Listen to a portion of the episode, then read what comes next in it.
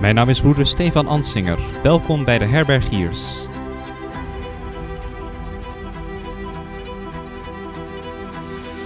De Herbergiers bieden thuis voor een goed geloofsgesprek. Samen met Herwin Horst ontdek ik de vreugde en de waarheid van het katholieke geloof. Vanuit onze vriendschap bespreken wij de fundamenten van het christelijk leven. En met deze podcast hopen wij je inspiratie te geven om in je eigen omgeving te delen in Gods liefde. Wees welkom.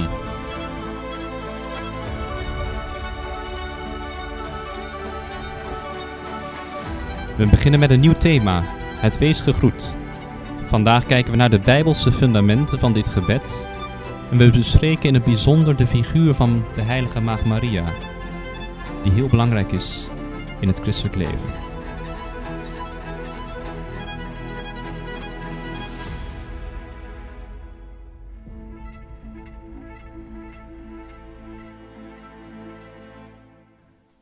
Oh, nu. Goedendag allemaal. Fijn dat jullie luisteren. Ja, we zijn al begonnen, Stefan.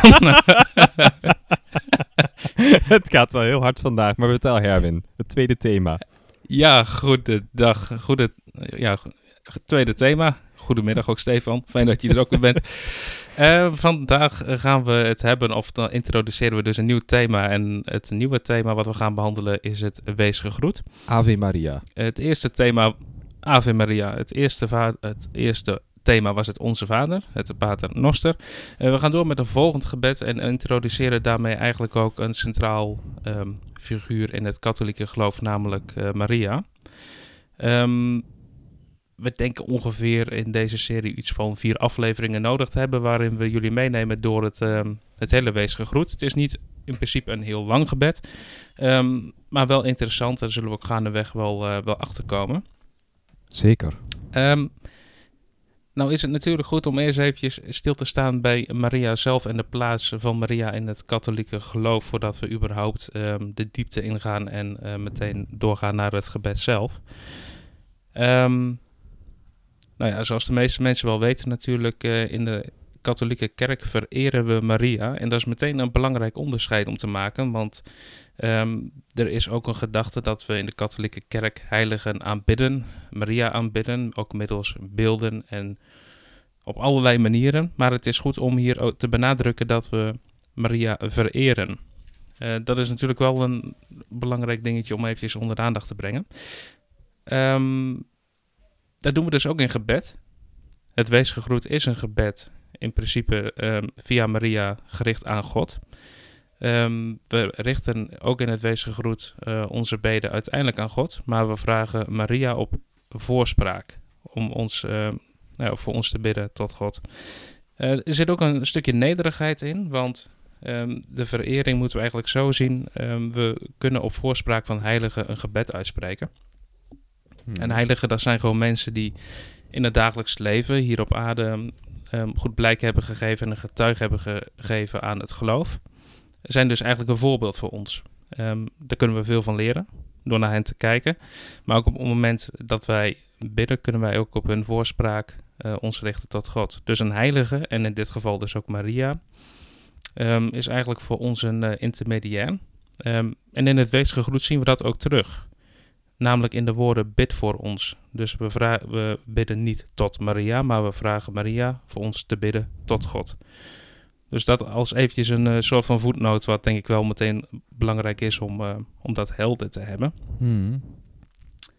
Ehm, wat heb jij persoonlijk eh, met Stefan Maria? Er zijn heel veel mensen die een sterke Maria-devotie hebben. Ehm, hoe is dat bij jou eigenlijk? Ja, dus van huis uit natuurlijk meegekregen als, als kind al het wees gegroet. En de rooskans ook deels.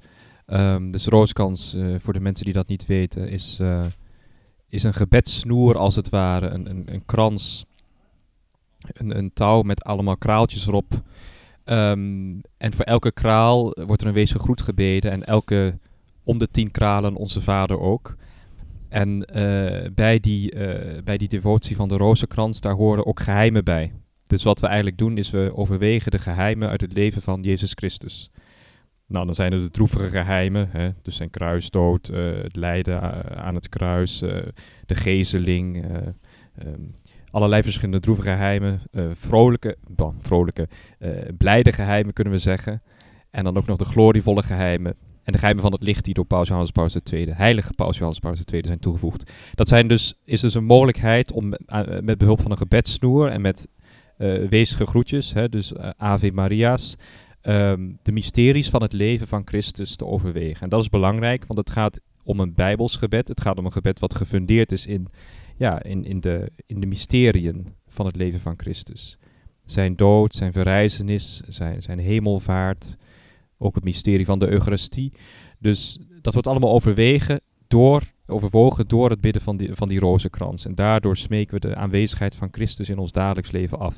En proberen we ook um, ons leven um, op Christus te richten. En te zien waar in ons leven op dit moment ook ja, Christus aanwezig is reeds. Um, dus ja. dat heb ik geleerd. Maar tegelijkertijd, eh, meer persoonlijk, als ik in moeilijkheden zit, um, als ik, uh, ja, als ik, uh, als er moeilijke situaties zijn, dan, dan richt ik mij natuurlijk in eerste instantie tot God, maar ook altijd tot, tot de heilige Maagd Maria. Ik heb hier een icoon staan van, uh, van haar, van de Theotokos, hè? de Dei Para zeggen we in het Latijn, de, de persoon die God, uh, ja, uh, God gebaard heeft. Hè? Dus de Dei Para, dus dat is de moeder van God. En die heb ik hier staan op, de, op dit altaartje hier.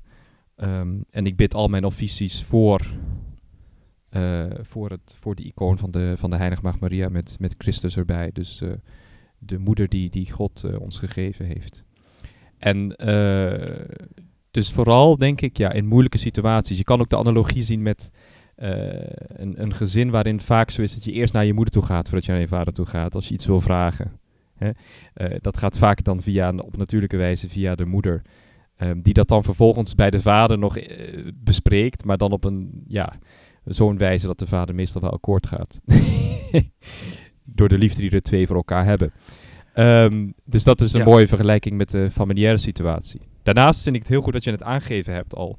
Je hebt het uh, verschil aangegeven tussen uh, wat we noemen douli in het Grieks en latri.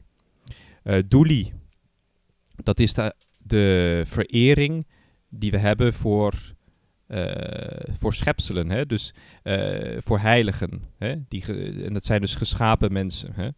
Um, en dat gaat het om, om, om, om, om, om, niet alleen om mensen, maar in eerste instantie dus om, maar ook om engelen. Dus ik zal het even wat, wat duidelijker zeggen. Ik kom helemaal niet, aan mijn woorden. Ik heb al zoveel gedaan vandaag. Nou voor het Nederlands. Ook nog in het Frans, in het Latijn. Bon.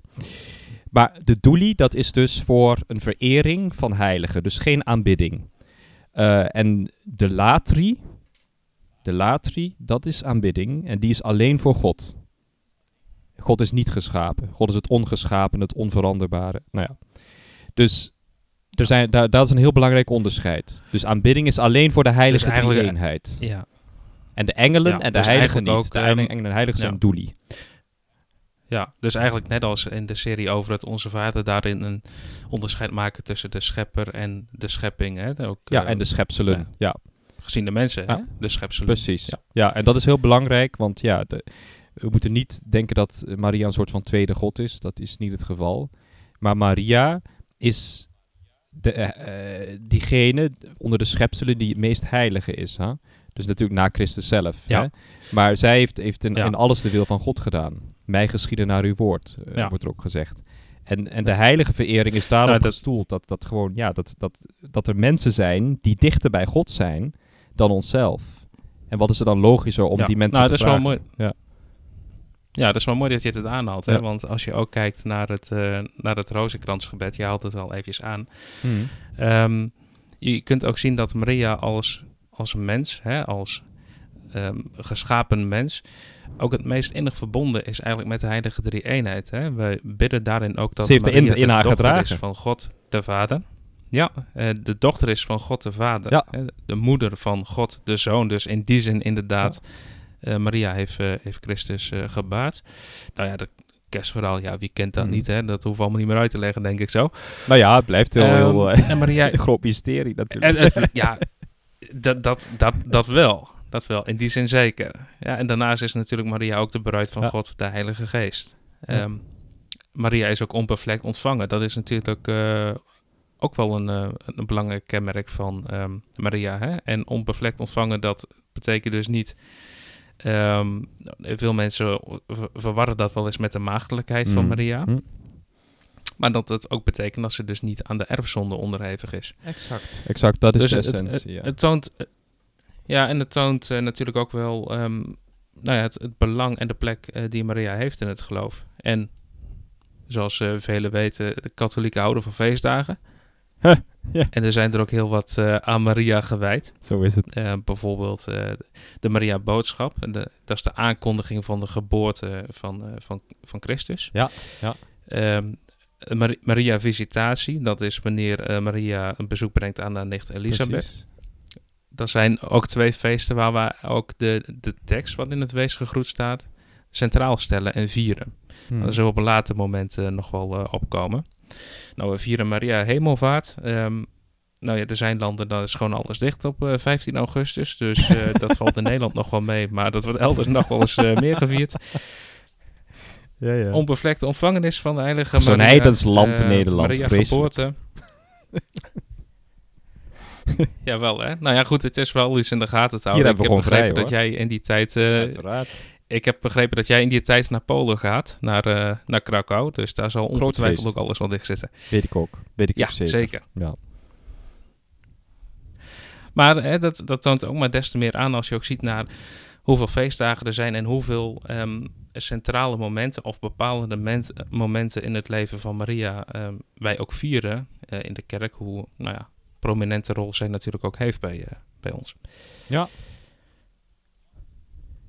ik denk ook... Ik denk dat dat wel een eh, beetje introductie is over eh, Maria en ehm, ook wel een beetje een beeld geeft. ehm, Wat ik ook heel mooi vind van heeft. haar Ben is... dingen vergeten, Stefan?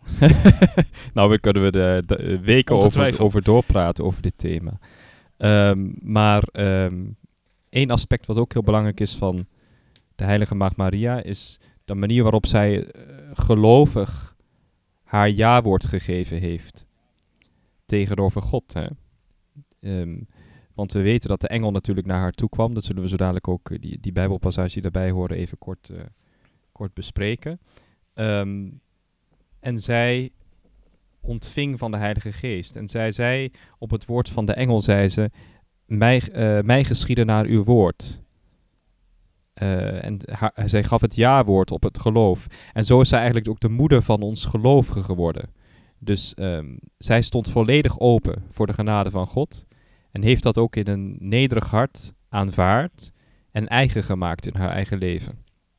En dat is denk ik heel belangrijk om te zien. Dus zij is een voorbeeld voor hoe wij moeten geloven en hoe wij Christus kunnen navolgen. Ja. Ja, eigenlijk ook, eh, ja, hoe moet je het noemen, onbevangen. Ik weet niet of dat de beste term is, maar ook vol vertrouwen. Eh, omdat zij het mysterie eh, wat eh, te gebeuren staat, hè, dus bijvoorbeeld de, de geboorte van Christus, zelf ook niet kon begrijpen. Hoe moet je bijvoorbeeld zwanger worden op momenten dat je geen omgang hebt met een man? Hoe werkt dat überhaupt? Nou, dat zijn Ja. op zich, zou ik zelf hebben, ook best wel praktische vragen. ja, hè? Toch niet onbelangrijk. Maar dat ze zich daarin ook volledig kon overgeven aan het, Ja. aan het geloof. Ja. Ja, ze geloofde dat dus ook, ook al begreep ze het niet. En ik denk dat dat ook heel belangrijk is, want in het begin begreep zij het niet. Ze zei ook, hoe kan dat gebeuren daar ik geen man beken? Een beetje zo van, ja, maar eh, wat, wat gebeurt hier? En dat is ook eh, misschien heel goed voor onze tijd. Wij willen altijd alles eerst begrijpen en dan geloven natuurlijk. Maar het is goed als we eerst gewoon het woord van God in ons laten komen en de, de kerk ook vertrouwen die ons dat woord eh, schenkt eh, door de Heilige Schrift, ehm, die nooit losgezien kan worden van een gemeenschap, van een, van een kerkelijke gemeenschap. Ehm, en dan ook vervolgens te groeien in dat geloof, zoals de Heilige Maagd Maria gegroeid is in een existentieel besef, subjectief, van wat haar overkomen is. Zo erg gegroeid is dat ze aan het, eh, aan het einde van haar leven gewoon zich helemaal overgaf aan de Heer en ook zelfs in de meest moeilijke momenten van Christus staande bleef. Zij viel niet om bij het kruis. Zij stond naast het kruis. Stabat mater dolorosa. Zij stond naast het Een kruis. van de elke moeder zou omgevallen zijn waarschijnlijk. Om haar eigen zoon op die manier, Ja. om haar eigen zoon op die manier te zien. En, en haar geloof was zo groot, ze wist dat het ergens toch goed voor moest zijn. Ehm, Ja, dat is ook wel, bijzonder, dat is ook wel bijzonder. Ook eventjes eh, terugdenkend aan eh, het eerste onderwerp wat we hebben besproken. Het, het Onze Vader, eh, de vorige reeks. hmm. Ehm, dat zij dus inderdaad ook zo- zo'n kracht heeft en zo innig is verbonden met God. Dat zij inderdaad de, het, het kwade ook op een goede manier kan dragen. Hè. Ze, ze draagt het altijd in haar hart in zichzelf uit geloof. Hmm. Nooit uit wanhoop. Tuurlijk heeft ze verdriet gehad. Dat, Ja. dat kan niet anders Ja.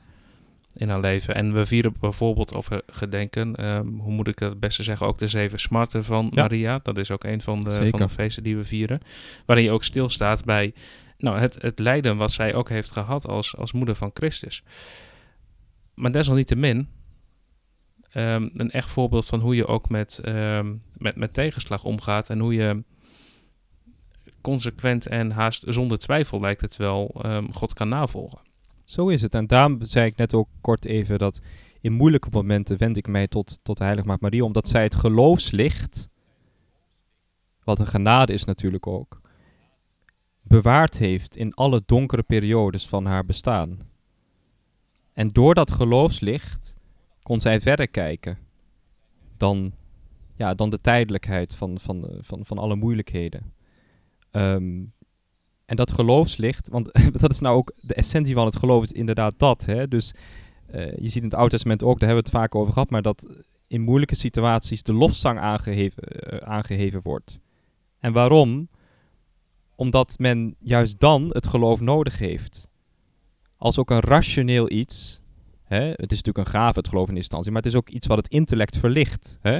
Het verlicht ons verstand om te, verder te zien dan datgene wat ons overkomt.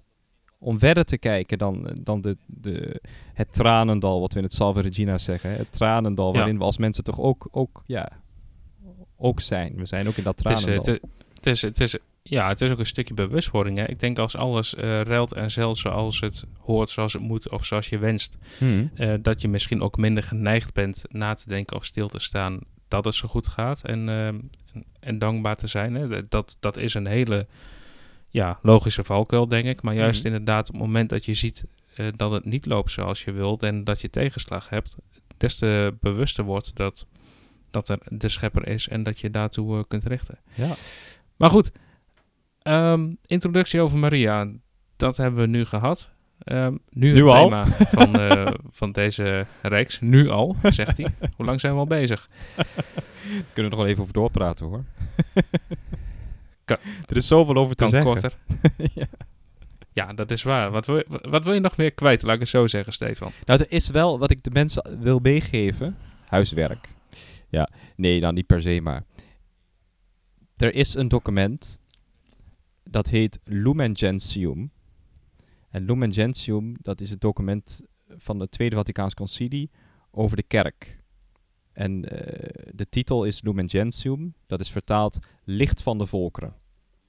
En het gaat over wat de kerk is. Hè? Wat het wezen van de kerk is. Ehm, als volk van God. Maar de laatste, het laatste hoofdstuk van Lumen Gentium is gewijd aan de heilige maagd Maria. En als je dat leest, dat hoofdstuk, dat is van zo'n hoge theologische kwaliteit, maar ook, het is leesbaar ook voor mensen zonder theologische achtergrond. En het vat eigenlijk alle problemen en, op, en, en ja, van, van, van de Maria-devotie ook samen. Hè? Dus je moet dan een, goed, goede balans natuurlijk zien te vinden tussen aan de ene kant eh, niet een overdreven Maria-aanbidding, hè? waarbij Maria een soort van tweede god wordt, maar ook niet eh, doen alsof ze alleen maar een draagmoeder is die er niet toe doet, hè? Eh, dat je dat helemaal wegcijfert. Ehm, en daarnaast ook gewoon alle titels van Maria worden heel goed behandeld in, in deze eh, in dit document van het Tweede Vaticaanse Concilie. Dus dat, is, dat wil ik... Dus we hebben deze hele, dus we hebben deze hele podcast niet meer nodig. Nou wel, maar dit is extra verdieping. Als ik bijvoorbeeld... Ja, maar Maar ja, het- ik ga niet de hele paragraaf komt het voorlezen. ook- Daar komen we nog wel op. Nee, maar komt het, komt, het, komt het op de site? Ik kan me voorstellen Ja, dat het eh, handig is uiteraard. dat Linkje, mensen dat linkje, eh, komt op vinden. de, linkje komt op de site. Ja. En wat is onze site? Deherbergiers.nl. Moet je wel even www ervoor tikken, zeggen ze. Nou, trouwens, dat weet Wel. ik niet of dat hoeft. Tegenwoordig hoeft dat niet meer, toch? De herbergiers. Oh nee, je kan ook zonder www. Functioneert ook. Er zijn meerdere wegen die dus naar Rome leiden, zoals je hoort. En ook naar de herbergiers.nl schijnbaar. Ja. Dus daar komt eh, ook de link op. En eh, nou ja, goede Voilà. tip Stefan. Ehm, Lumen Gentium is echt... eh, gaan we lezen. Ik ben in de verleiding gekomen om toch de eerste paragraaf ervoor te lezen. Maar ik denk dat jij gaat zeggen, dat is niet nodig. Nou, ja, doe, wat je, doe wat je wilt. Dan lees ik hem toch even voor. Het is, er zijn maar tien regels ongeveer. Dus ik zal hem rustig voorlezen, meditatief. Heb je nog een leuk muziekje voor de achtergrond of zo? Een soort van Gregoriaans muziekje of zo? Misschien kan je zelf wat karaoke op de achtergrond doen. Oh nee, karaoke is dan nou, als we nog niet. Uber, Dat zou jammer zijn. nee, als we nog überhaupt, überhaupt willen dat er nog mensen blijven luisteren, dan moeten we dat vooral niet doen. Oké, paragraaf 1. Maria, het verhevenste lid van de kerk. Toen de algoede en alwijze God zijn plan tot verlossing van de wereld ten uitvoer wilde brengen, zond hij, toen de volheid van de tijd gekomen was, zijn zoon, geboren uit de vrouw, opdat wij het zoonschap zouden verkrijgen. Een citaat uit de Galatenbrief, hoofdstuk 4. Deze, dus de zoon, is voor ons mensen en omwille van ons heil uit de hemel neergedaald. En hij heeft het vlees aangenomen door de Heilige Geest uit de Maagd Maria. Dit goddelijk heilsgeheim wordt ons opgebaard in de kerk, openbaard, oh dat is een, eh, een taalfout, wordt ons geopenbaard in de kerk en duurt voort in de kerk, die de Heer tot zijn lichaam heeft gemaakt, en waarin de gelovigen één met hoofd Christus en in gemeenschap verbonden met al zijn heiligen, ook de gedachtenis moeten eren op de eerste plaats van de glorierijke Maria altijd maagd, de moeder van onze God en Heer Jezus Christus. Bon, dat is de eerste paragraaf. Ik ga niet verder lezen, maar om toch een beetje u allen nieuwsgierig te maken voor dit prachtige document. Waarbij dus heel duidelijk ook die, een, een, een citaat van de Galatenbrief eh, voorkomt. Een van de oudste, ja, een van de oudste verwijzingen naar eh, ja, de geboorte van, eh, van Christus eh, ehm, uit de moederschoot van de heilige maagd Maria. Maar laten we verder gaan met ons thema. Volgens mij wilde jij iets uit de. Bijbel eh, citeren, Doen we dat. of niet? Is dat zo? Oh, oké. Niet dus. nee. Dus ik denk die Zoals protestant die, altijd, eh, echt, die eh, oud-protestant, die ex-protestant, die moet altijd weer die Bijbel erbij halen. Terwijl ik ben natuurlijk veel ja, meer nou, van... ik, heb hem, ik heb hem altijd naast me liggen hoor. Nee, nou ja, goed om, eh, om überhaupt eh, eerst maar eens het wees gegroet, het Ave Maria, het centrale thema van eh, deze nieuwe reeks. Ave Maria is Latijn voor wees gegroet, by the wees way. gegroet. dat de mensen het weten. en dat, dat gaat inderdaad, wees gegroet Maria, vol van genade. De Heer is met u. Gij zijt de gezegende onder de vrouwen en gezegend is Jezus, de vrucht van uw schoot. Heilige Maria, moeder van God, bid voor ons zondaars, nu en in het uur van onze dood. Ziet u dat nou? Nou ik heb niet eens de hè? mogelijkheid om in te springen in het gebed. het wordt gewoon helemaal voorgelezen. voor Nee, dat laten we. Ja, dat is ook wel eens fijn, toch? Normaal dan, eh, je moet al zoveel bidden in, het, ja, eh, dat is waar. In je leven. Dan, dan mag het ook wel eens gedaan worden, toch? Maar ja, als je me dan toch in verleiding brengt.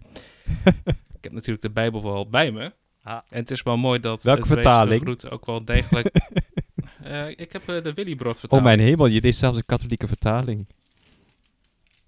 Ja, zeker. Ja, in de protestantse Bijbel staan niet alle eh, Bijbelboeken. Oh ja, dat is waar. Ja, ja het- soms hebben ze, er, sommige hebben ze inderdaad uitgehaald. Ja.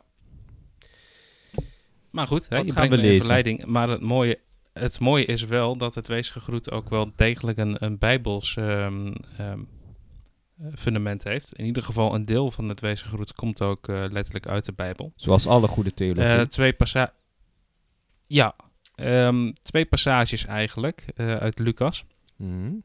Even kijken. Lucas. de eerste is Lucas 1, vers 28. ik pak het hè, dat, is, ja, dat is de engel Gabriel die ehm, Maria komt bezoeken. En ehm, de geboorte van Christus ehm, aankondigt aan haar. Zullen we dat eens even heel kort, even kort, eh, nou ja, uitgebreid even rustig behandelen, dat vers?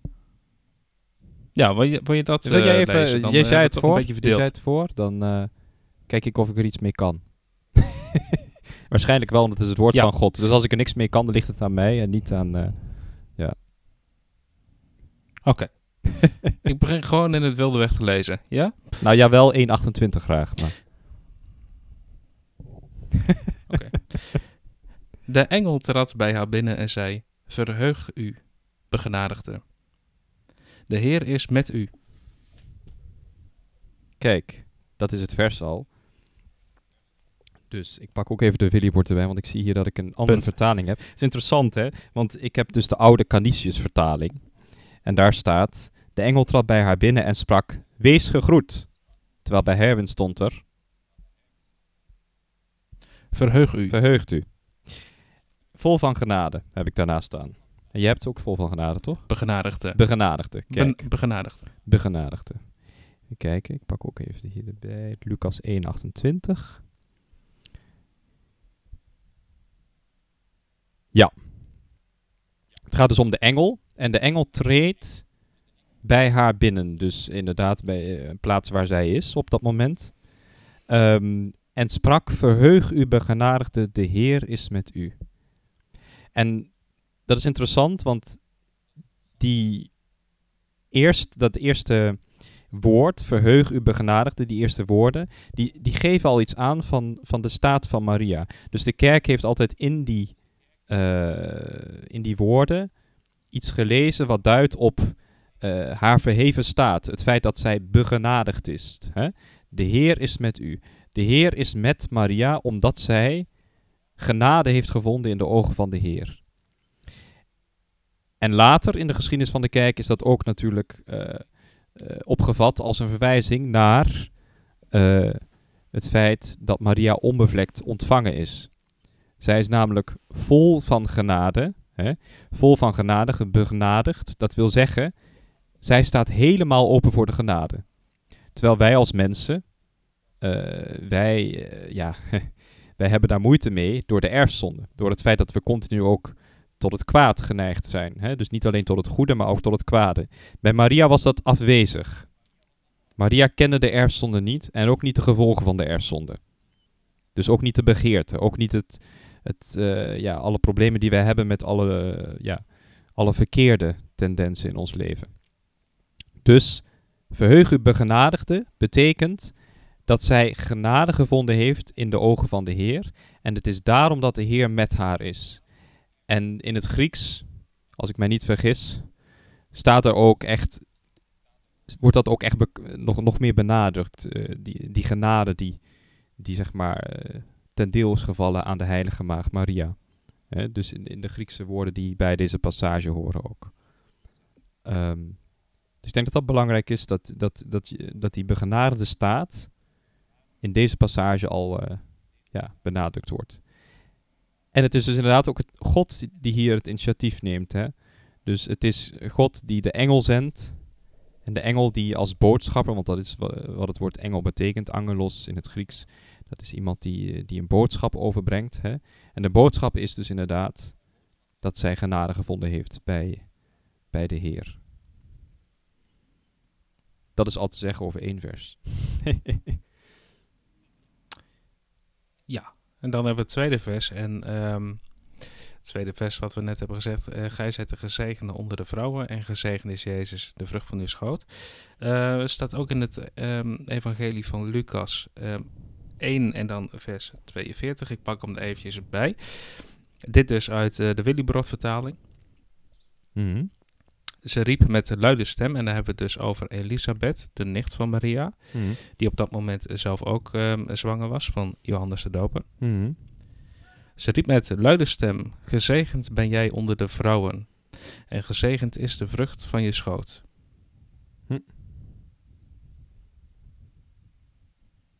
Wat lees jij in die passage, Heun?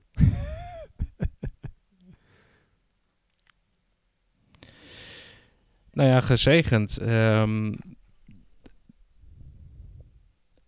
ook, ook als je kijkt naar het zegenen, het, het, het heilige, dat associeer je wel iets met eh, inderdaad wat, wat goed is. Het, het feit dat Maria wordt uitgekozen om Christus te baren, de Zoon van God, eh, van Mm. wie we weten, die zonder zonde is, eh, die ook niet onderhevig is aan, aan de erfzonde.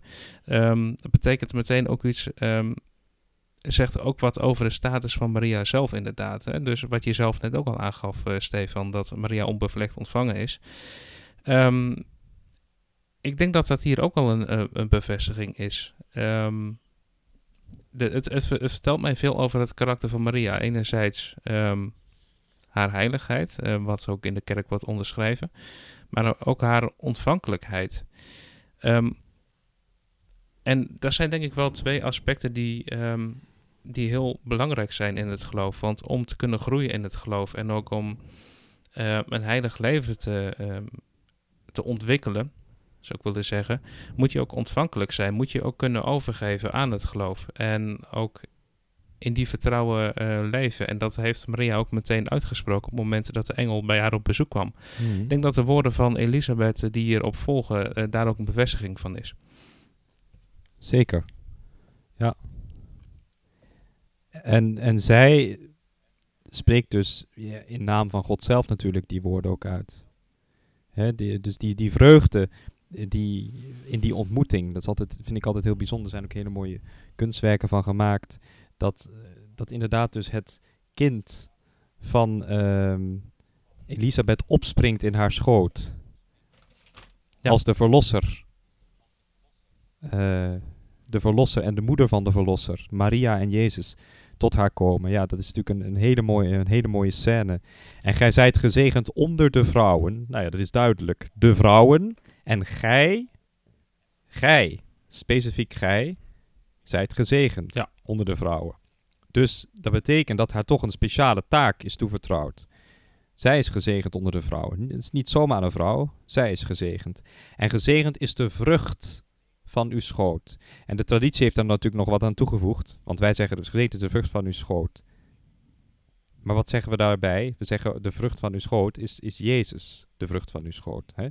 Dus dat is natuurlijk al heel snel eh, geïnterpreteerd als, als eh, ja, Jezus zelf, de vrucht van uw schoot. Dat is het kind wat zij in haar schoot, eh, in haar schoot draagt. Precies. Ja, en als je dan bijvoorbeeld ook eventjes terugkijkt, weer een stapje terug eh, naar wat we net hebben behandeld, dan zie je dat, eh, dat ook in de Bijbel, hè, de, de conversatie tussen de, de engel, Ja. eh, Gabriel en Maria, waarin Gabriel ook zegt van, ik zal het eventjes kijken, ik kan het wel eventjes voorlezen. Als ik dan toch wel eventjes verder ga naar vers 28, Ehm zie je ook meteen de reactie van Maria. Eh, we hebben dus net in vers 28 gezegd. eh, de engel trad bij haar binnen en zei: Verheug u, begenadigde, de Heer is met u. Zij raakte geheel in verwarring door wat hij zei en vroeg zich af wat deze begroeting te betekenen had. Hmm. Maar de engel zei: Schrik niet, Maria. U hebt genade gevonden bij God. U zult zwanger worden en een zoon baren, die u de naam Jezus moet geven. Zie, dus daar zie je de aankondiging al hè, tussen Ja, precies. eh, Ja. de, de engel en Maria zelf. Hij zal een grote man zijn en zoon van de Allerhoogste worden genoemd. God, de Heer, zal hem de troon van zijn vader David geven. Hij zal eeuwig koning zijn over het huis van Jacob en aan zijn koningschap zal geen einde komen. Ja. Het is een prachtige passage, ja. En we zien hoe, hoe God vanaf het begin af aan die hele heilsgeschiedenis voorbereid heeft. Hè? Totdat Maria als vrouw specifiek uitgekozen wordt om, eh, om de Zoon van God werkelijk eh, ter wereld te brengen. Ehm, ja, en, en natuurlijk, eh, ja, er zijn natuurlijk een aantal vragen die, die in de traditie van, de, van ons geloof veel, veel gesteld zijn, vooral over de, ehm, de maagdelijkheid van Maria. De kerk leert dat Maria maagd is gebleven, dat zij maagd was voor de geboorte van Christus, eh, tijdens en ook daarna. Hè, dus die drie, die drie verschillende stadia. Ante, in en post, zeggen we in het Latijn. Dat zijn die drie die stadia waarin de heilige maagd dus altijd maagd gebleven is. Hè? Waarbij we dat niet allemaal te biologisch op moeten van. Natuurlijk is het zo dat zij geen, eh, ehm, geen gemeenschap heeft gehad met een man en dat zij door de Heilige Geest ehm, zwanger geworden is. Dat is zo. Maar tegelijkertijd is de maagdelijkheid natuurlijk ook iets uh, essentieel uh, spiritueels. Hè? Um, dus zij heeft zich volledig gegeven aan God. Um, en, en ze, ze, had niemand anders als haar eerste liefde, als, als de Heer zelf. Hè? En, en dus die, die volledige, het volledig zichzelf wegschenken, ook in haar arme positie. Ze kwam natuurlijk uit een zeer arm milieu ook.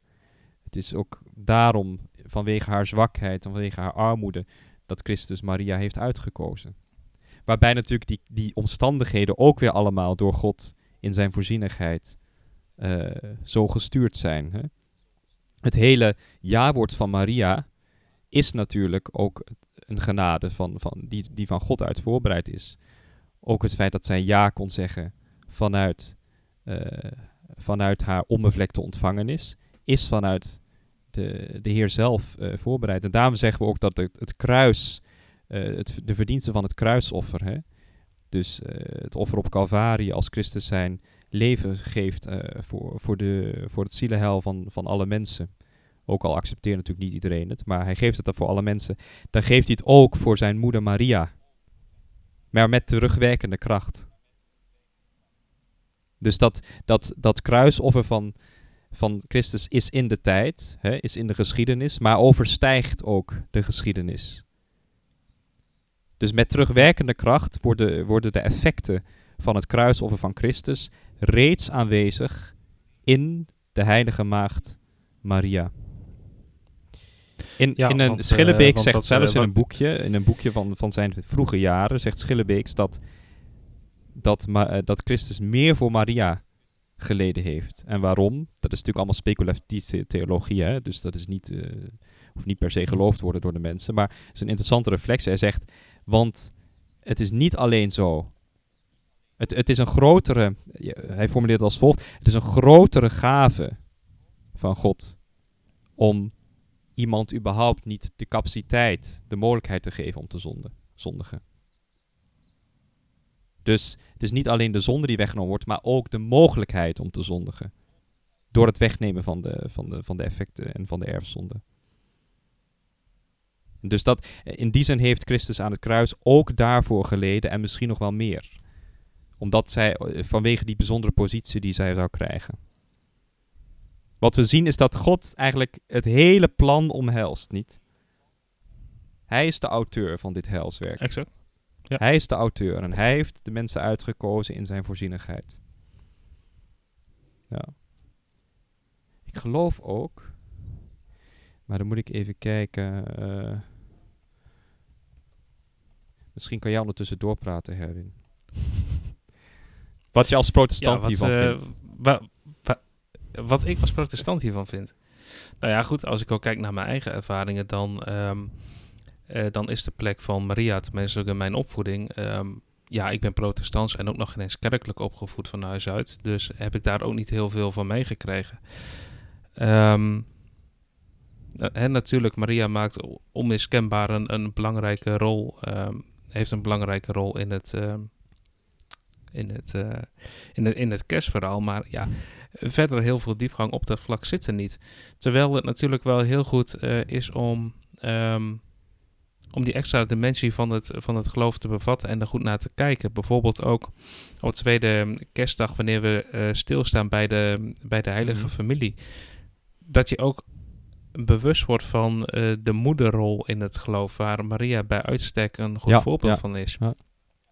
De vaderrol hè, van, eh, van, van Jozef, om daar goed bij stil te staan. Ik denk dat het ook heel erg kan helpen in het, in het leven in een, in een gezin, in een familie, om daarop te kunnen eh, reflecteren en daar ook bewuster Mhm. van te zijn. Want ook de rollen die we in onze hedendaagse maatschappij hebben en eh, ja, goed, politiek gezien en eh, nou ja, be- bepaalde groeperingen die, die hechten iets minder waarde aan de traditionele verhoudingen die we hebben Mm. in een gezin. Maar alsnog kun je daar heel erg veel op reflecteren en kan dat ehm, ook heel veel steun en houvast. Tegelijkertijd moet dat ook, ja, daar ook niet te, te conservatief in zijn, denk ik. Natuurlijk, het is belangrijk dat, eh, dat, dat er voor het kind goed gezorgd wordt en dat, dat ouders eh, een juiste rolverdeling kennen. Maar een vrouw mag ook werken hoor. Om maar even nee, een voorbeeld nee, te dat, noemen. nee, dat absoluut. Nee, dus eh, de- Nee, wat, wat ik- je verstaat bedoel traditionele de rolverdeling. zin- Ik bedoel het meer in de ik bedoel het meer in de zin van eh, je hebt een man, eh, je hebt een vrouw en Ja. Je hebt kinderen. Ja, precies. in Dus het traditionele in gezin in die zin. Ja, ja. ja, uiteraard. Ja. Ja, de samenstelling hebben Wij zijn geen SGP'ers, Dus hè? eh, de rolverdeling. Ook al Nee, houden we enorm van onze gereformeerde medebroeders. Ja. Nee, maar dat, dat bedoel ik ermee. Maar het is goed eh, dat je dat eh, ook duidt, eh, Stefan. Of nou in ieder geval ver, verhelderd. Helderman. Helderman. Ja, dat is heel helder. Ja. Sorry, dit is interne, interne humor van de herbergiers. Maar een heel kort antwoord op de vraag. Ja, ik, ik heb daar heel weinig ehm, in mijn opvoeding mee gekregen. Waar dat eh, wel Ja. Stefan. En waar, waar natuurlijk de meeste katholieke mensen dat al vanaf ehm kinds af aan hebben. Eh, dus voor mij is dat eerlijk gezegd ook een, ehm, een ontdekkingsreis nog steeds. Ik denk, ja, Om daarachter te komen en eh, om dat te duiden. Ik denk dat ik, dat is ook, eh, ik heb daar nog niet genoeg over, eh, over gelezen en over gestudeerd, moet ik zeggen. Maar ik denk wel dat, als ik in mijn persoonlijk geestelijk leven eh, dit onderwerp bekijk, haar aanwezigheid is, is, is, is reëel, is, is waar, ze is daar. En ik denk dat zij ook een soort van moederlijke, hoe zal ik het noemen, een moederlijke warmte kan geven in moeilijke situaties. En ons hart, en eh, dat is natuurlijk zo dat, kijk, als we bidden en als we ehm, ons tot God wenden, dan gebruiken we in eerste instantie altijd beelden en zintuigelijke eh, werkelijkheden. En we gebruiken dan dus ook ervaringen uit ons eigen leven. En eh, proberen dat eh, ja, toe te passen op ons, ons gebedsleven. En het is zeker waar dat, ehm, dat die warmte van de Heilige Maagd Maria, als je die warmte hebt ervaren van je eigen moeder, in je eigen gezin, dat je dat ook mag, mag toepassen op de Heilige Maagd Maria als moeder. Hè? Als moeder van je eigen moeder ook. Hè? Dus in, in die zin denk ik dat, Ja. dat die ervaringen van, van veiligheid en van warmte en van genegenheid die je in je eigen familie ervaren hebt, bij je ouders, eh, dat je die ook kan gebruiken om, als je wat meer eenzaam bent of een moeilijke situatie zit, je, je te wenden tot de Heilige Maagd Maria met behulp van die beelden. Ja. En, en ik denk dat dat een legitieme Te- manier van gebed is. ja. Tegelijkertijd denk ik ook... ehm, Terwijl zij altijd meer is dat het- natuurlijk. Hè? Dat het, dat het, dat het, dat het, dat het beeld ehm, en de ervaring die je met je, van je eigen ouders hebt, je eigen vader, je eigen moeder, ook bepalend kunnen zijn hoe je misschien naar Maria kijkt als moeder. Ehm, Hmm. En ook naar God als vader. En nou is Jozef natuurlijk meer, ehm, nou ja, biologisch gezien, zeg maar. Hmm. De, de va- ja, niet biologisch de vader, maar meer. Nee, dat is een eh, interessante familiesituatie. Ja. Dat is, dat is een hele interessante familiesituatie, inderdaad. Maar goed, ehm, andersom is het natuurlijk ook waar. Ehm, dat is het mooie ook, en dat heb ik wel eens, eh, volgens mij vaker aangehaald, dat naast dat we de Bijbel hebben in de katholieke kerk, een rijke Mhm. traditie hebben, ehm, vol met heiligen en eh, de heilige Jozef en de heilige Maria zijn er twee hele belangrijke van. Dat je ook op het leven van die mensen kunt Mhm. reflecteren. Dus ook wanneer je een bepaald ehm, beeld niet hebt of een bepaalde ervaring niet hebt meegekregen vanuit huis, juist kunt reflecteren op een rolmodel wat ons gegeven is. Ja. Eh, en dat is ook de rijkdom wat, eh, wat, de- wat het katholieke geloof ook rijk is, waar we ook heel veel steun uit kunnen halen. Dus ik zal ook zeggen, juist op het moment dat je die ervaring vanuit huis uit niet hebt, kun je dat alsnog putten uit ehm, de Heilige Maagd Maria. ja, en daar... Ehm, ja. als, we, als we bijvoorbeeld kijken, je hebt hem net al eventjes aangehaald, de heilige Johannes Mhm. Paulus II. eh, die had een hele sterke Ja. Maria-devotie. Maar die is zijn moeder ook al op vrij jonge leeftijd kwijtgeraakt. Mhm. Hij heeft in zijn leven ehm, de heilige Maria ook echt als tweede moeder aangenomen. Mhm. En dat is natuurlijk heel interessant. En dat kan je ook heel veel brengen. Zeker. waarbij dus wel, eh, ik denk dat je, je hebt helemaal gelijk. Je raakt ook gelijk een problematiek, want ik heb natuurlijk net dit geschetst vanuit mijn eigen situatie. Ik, kom uit een, ja, een stabiel, fijn gezin. Altijd een fijne tijd gehad daar. Natuurlijk, eh, elk gezin, er zijn ook moeilijkheden en er zijn ook zwaktes. eh, dat is bij ieder zo. Niemand is perfect.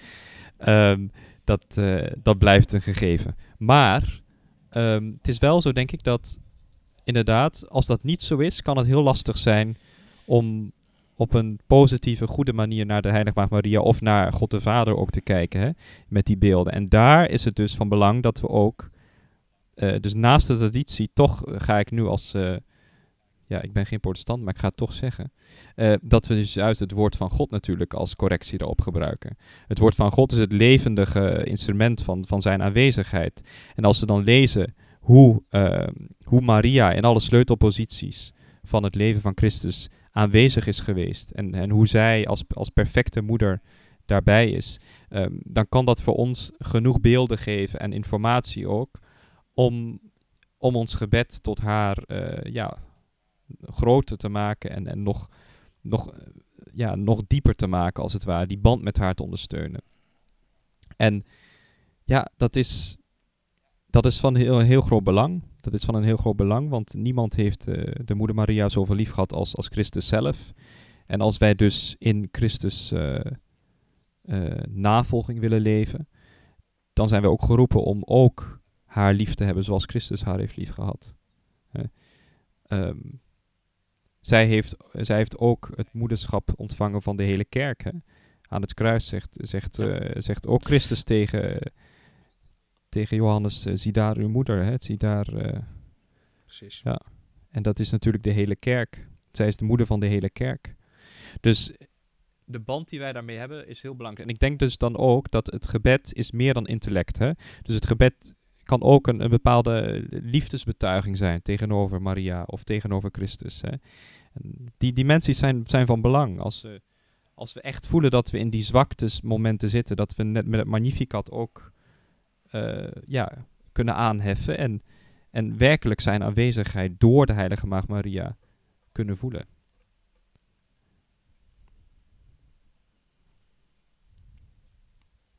Doodse stilte. Eh, geen doodse stilte, maar... Stilte. nou, hè. Maar ook in het uur van onze dood. Voilà. Ja, Nee, maar ehm, zo is het. Ik denk haast dat het een mooie conclusie is, eh, inderdaad. Ja, misschien kunnen we nog wel even zeggen dat dus die twee onderdelen van het eh eh, weesgoed hebben we nog niet echt over gehad, hè? Dus het eerste onderdeel, weesgoed Maria vol van genade, heers met u gezegd, die zegen onder de en gezegend is Jezus, de vrucht van uw schoot. Dat is het, het, eerste onderdeel van het Maria-gebed, van het uh, maar, eh, weesgegroet. En dat is origineel. Daarna is er nog een stuk toegevoegd. Heilige Maria, moeder van God, bid voor ons zondaars, nu in het uur van onze dood. Amen. Dat eerste deel, dat gaat echt terug, ja, op, op, zoals we het hebben gehad, eh, net over hebben gehad, op de Bijbel. Hè? Dus echt op die, die twee passages uit, uit Lucas. Maar het tweede deel is pas veel later, in de 15e eeuw, toegevoegd. Hè? Ehm, door, eh, ik geloof door de paus, ja, paus Pius V, hè? dus dat was een Dominicaan ook nog eens. Oh, jongens, die Dominicanen. Ehm, in een brevier. Natuurlijk is het daarvoor al eh, ja, ontstaan, maar het echt officiële eh, versie die in brevier is in het uh, getijdengebed van de, van, de, van de priesters en zo is toegevoegd. Dat is in, de, in de, de 15e eeuw, als ik me niet vergis, pas gebeurd. Dus het zijn echt die twee onderdelen. En daarom, als wij over Toos van de Kino praten, in de volgende uh, episode, volgende aflevering, zijn commentaar op het Ave Maria, dan hebben we alleen het eerste deel van het Ave Maria. En niet het tweede deel. Toch, Herwin? Klopt. Onderhand ja. is er weer in, sla in slaap gevallen. Nee, dat valt wel mee hoor. ja. Maar het is, het is een prachtig gebed. En ja, Maria-devotie is geen gemakkelijk onderwerp. Het is geen gemakkelijk onderwerp. Maar wel heel essentieel en belangrijk voor het christelijk oh. leven. Omdat Christus het zelf ja. heeft voorgeleefd. Ja. En hoewel het misschien wel makkelijk uh, lijkt inderdaad. Ik ben er zelf uh, leek in en ik heb me er ook niet zo heel veel in verdiept.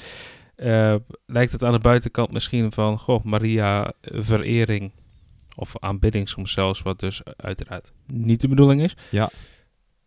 is, is gewoon een, een katholiek gegeven. Dat is bij iedereen bekend, bij iedereen gewoon. Ja, dat, daar is toch wel heel veel ehm, theologische voer tot discussie over geweest. En, en nog steeds natuurlijk. Dus dat blijft inderdaad interessante materie. Maar wij proberen het zo gangbaar mogelijk en toegankelijk mogelijk. in ieder geval het weesgegroet in de, in de komende afleveringen eh, uit te leggen. Waarbij we dus Ja. inderdaad focussen op het eerste gedeelte. En het zal Ja, later ook weer door terugkomen in een Thomas is, eh. Ja, ja. Want, eh, als maar wat ook door de Thomas is eh, becommentarieerd. Ja. Ja, inderdaad. Maar wat dus inderdaad door Thomas is becommentarieerd. En net zoals eh, de vorige serie en net als de vorige reeks... eh, houden wij hierbij ook het werk van Thomas eh, van Aquino weer centraal. Ehm, wij gebruiken daarvoor eigenlijk ook dezelfde literatuur... als dat wij in de vorige reeks hebben gedaan. Hmm. Ehm, het volgende onderwerp eh, wat, waar Steven het net over had, dat, dat zal een ander boekwerk zijn, een ander naslagwerk wat wij daarbij centraal stellen. Maar eh, we gaan nu nog eventjes eh, door op eh, de weg die we zijn ingeslagen Kijk, helemaal mooi. aangaande de literatuur. Dus dat is ook ehm, handig om te weten. Volgens mij staat die link, die staat nog wel ergens in een eerste aflevering, wat wij allemaal gebruiken. Maar misschien wel handig dat we dat nog eventjes ehm, herhalen en beschikbaar maken. Perfect. Dat mocht je mee willen lezen, dat dat ook eh, mogelijk is. Zeker. Alhoewel ik geen idee heb hoe toegankelijk eh, die literatuur is en eh, waar het te krijgen is en of het überhaupt te krijgen is. Want ik heb het ook met, met Tweedehands. fotootjes op de mail moeten doen. Ah ja, ja. Tweedehands, ja, oh, ja? nee, ik, heb- ja, ik heb het tweedehands ergens gevonden. Zeker. Ah, Ja. Oké, Ja, het is jammer dat het Ja. niet meer zo gepubliceerd wordt. Maar het is in het Engels wel gratis te lezen ook. Voor diegenen die de mooie Engelse taal machtig zijn. Dus wat dat betreft. Maar het is wel, ik zei dat net even over het credo. Maar dat is wel natuurlijk heel belangrijk, omdat dat ja, de essentie van ons geloof is. En daar komt zij in voor. Namelijk Maria die ontvangen heeft van de Heilige Geest. Geboren uit de maagd Maria. Dus eh, Jezus ontvangen van de Heilige Geest. Sorry, wat zeg ik? Wat zeg ik? Volgens mij ik ben even, een error. ik- sorry, eh, mijn hemel. Stefan. Volgens mij zit Stefan dogmatisch nogal verkeerde dingen hier uit te spreken. Dat komt omdat ik zo in zoveel talen leef dat ik eh, het credo in het Nederlands niet meer ken uit mijn hoofd. In het Latijn ken ik het uiteraard wel, maar ja. Eh, nou, in het, eh, zal even kijken wat hier eh, staat. Ja. Hij is voor ons mensen en omwille van ons heil uit de hemel neergedaald. Hij heeft het vlees aangenomen door de Heilige Geest uit de maag Maria en is mens geworden. Dus dat is in het, punt in het credo waar, waar zij in voorkomt. En waar dus ook gelijk de twee belangrijke zaken voorkomen. Namelijk het feit dat, dat zij dus onbevlekt eh, ontvangen is. Ook ontvangen van de Heilige Geest. Hè? Ehm, zeg ik dat nou goed? Ja, nou onbevlekt ontvangen is natuurlijk dat ze geen erfzonde heeft. Bon. En geboren uit de maag Maria. Dus het feit dat ze maagdelijk geweest is voor, tijdens en na de geboorte van Christus. Voilà. Bon, Tijd om het weesgegroet te bidden. is goed.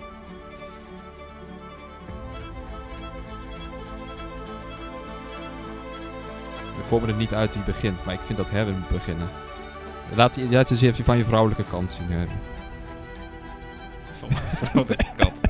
Ik, ik zal mijn stem niet verheffen. Wees gegroet, Maria, vol van genade. De Heer is met u. Gij zijt de gezegend onder de vrouwen, en gezegend is Jezus, de vrucht van uw schoot. Heilige Maria, Moeder van God, bid voor ons zondaars, nu en in het uur van onze dood. Amen. Amen.